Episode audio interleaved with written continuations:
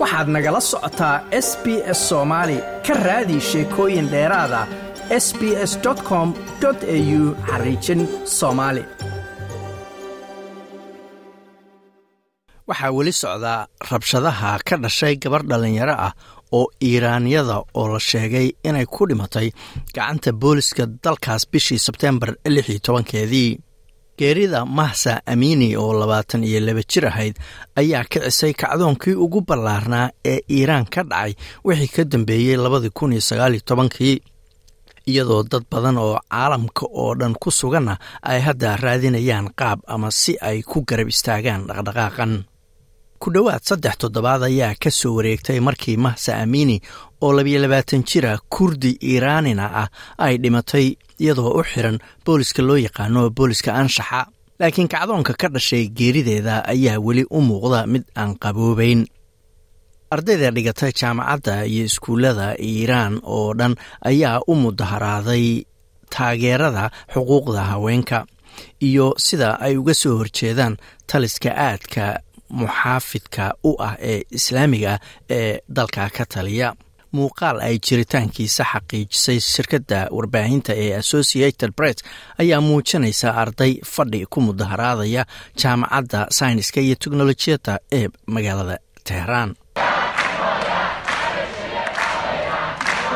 luuqadda faarsiga ayay ku lahaayeen ardada daacadda ahe nataageera nataageera halka muuqaal kale uu muujinayay dibadbaxayaal kale oo wata calaamado ama halkudhegyo ah hala sii daayo ardayda xorriyaddu waa xuquuqdeenna.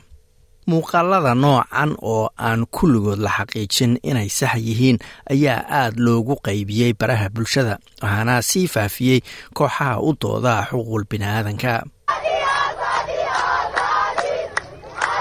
mid lagu daabacay b b c da ayaa muujinaysa koox gabdho iskuuley ah oo gacanta ku lulaya xijaabiyo kuna qaylinaya xorriyad iyagoo sidoo kale ku qaylinaya ama la murmaya xubin ka tirsan ciidanka. Sida gaarka u tababaran ee aadka looga boqo ee loo yidhaahdo basiij force ama xoogga basiij ciidanka basiij ayaa isniintii waxaa awood buuxda u siiyey hogaamiyaha sare ee iiraan ayatollah ali khameni inay gacan bir ah ku qabtaan dibadbaxayaasha.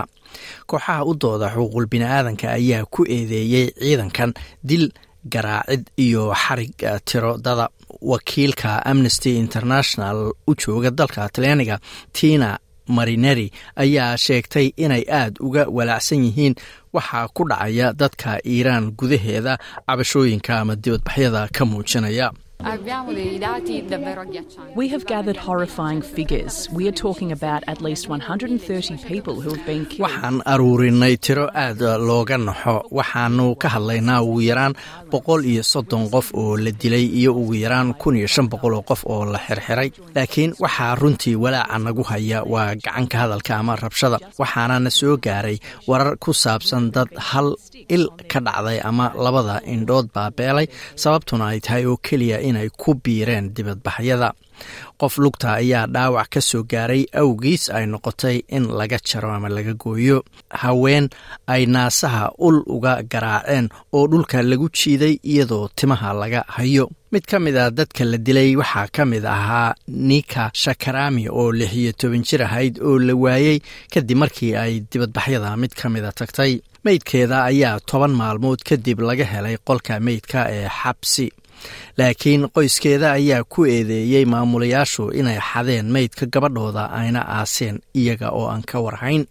Gabadhan yar ayaa la sheegay inay saaxiibadeed u sheegtay in ciidanka ammaanku ay iyada ku daba jiraan oo ay raadinayaan.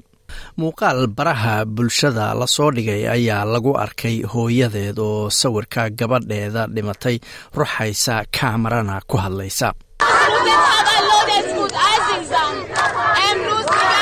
maanta waa dhalashadaadii ayay tiri gabadhan jeclaayay. Maanta waxaan ku leeyahay hambalyo inaad shahiiday.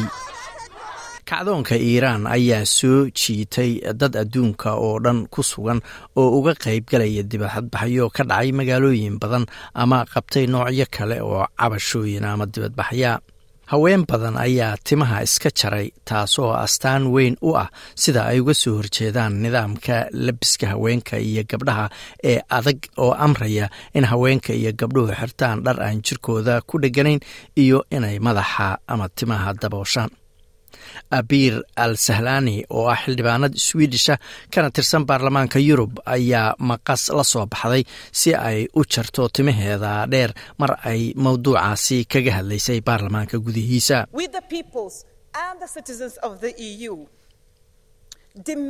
haddaannu nahay shacabka iyo muwaadiniinta midowda yurub waxaannu si shuruud la'aana u dalbanaynaa in la joojiyo dhammaan rabshadaha ka dhankaa haweenka iyo ragga iiraan.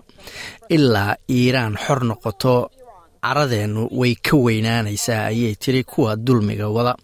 Ilaa haweenka iiraan xor noqdaana waannu garab taagannahay arrintan ayaa sidoo kale qabatay indhaha dadka caanka iyadoo xidigaha filimaanta iyo muusiga faransiisku ay ka qayb qaateen fideow halkudheg looga dhigay heer for freedom ama xorriyadda timaha xidigaha ka qayb galay fideowga waxaa ka mid ahaa marion cotilard iyo juliet bineshay oo ku guulaystay biladaha oscarka la yidhaahdo iyagoo lagu arkayay fideoyada iyaga oo timahooda jaraya mar laga hadlayay dhimashadii. Mahsa amiini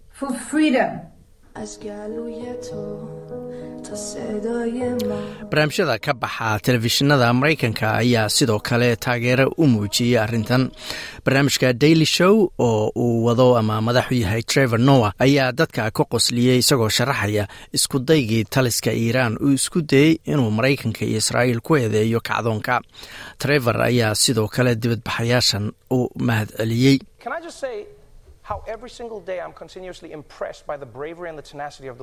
waxaan doonayaa ama rabi lahaa inaan sheego sida maalin walba aan ula dhacsanahay geesinimada iyo adkaysiga haweenka iyo gabdhaha iiraan waa wax aad loogu farxo inaannu aragnay ayuu yidhi.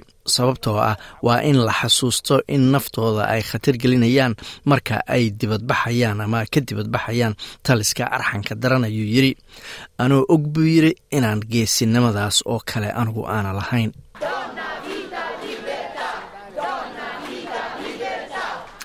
kulan taageero loogu muujinayo oo ka dhacay caasimadda talyaaniga ee romna dibadbaxayaashu waxa ay ku qaylinayeen haween nolol iyo xorriyad. Saddexdaas kelmadood oo halkudheg u noqday dhaqdhaqaaqan dibadbaxahan iiraaniga ah oo la yidhaahdo daniel wuxuu soo qaatay calanka dalkiisa oo uu markaasi isku tallaab saaray astaanta ku dhex taal calanka ee kacaanka iiraan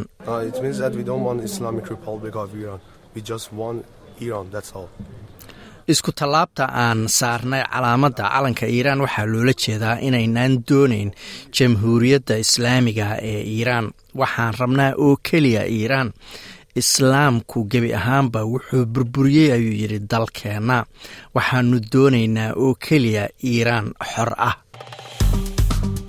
Like aas la wadaag wax ka dheh lana soco barta facebooka ee sb s soomaali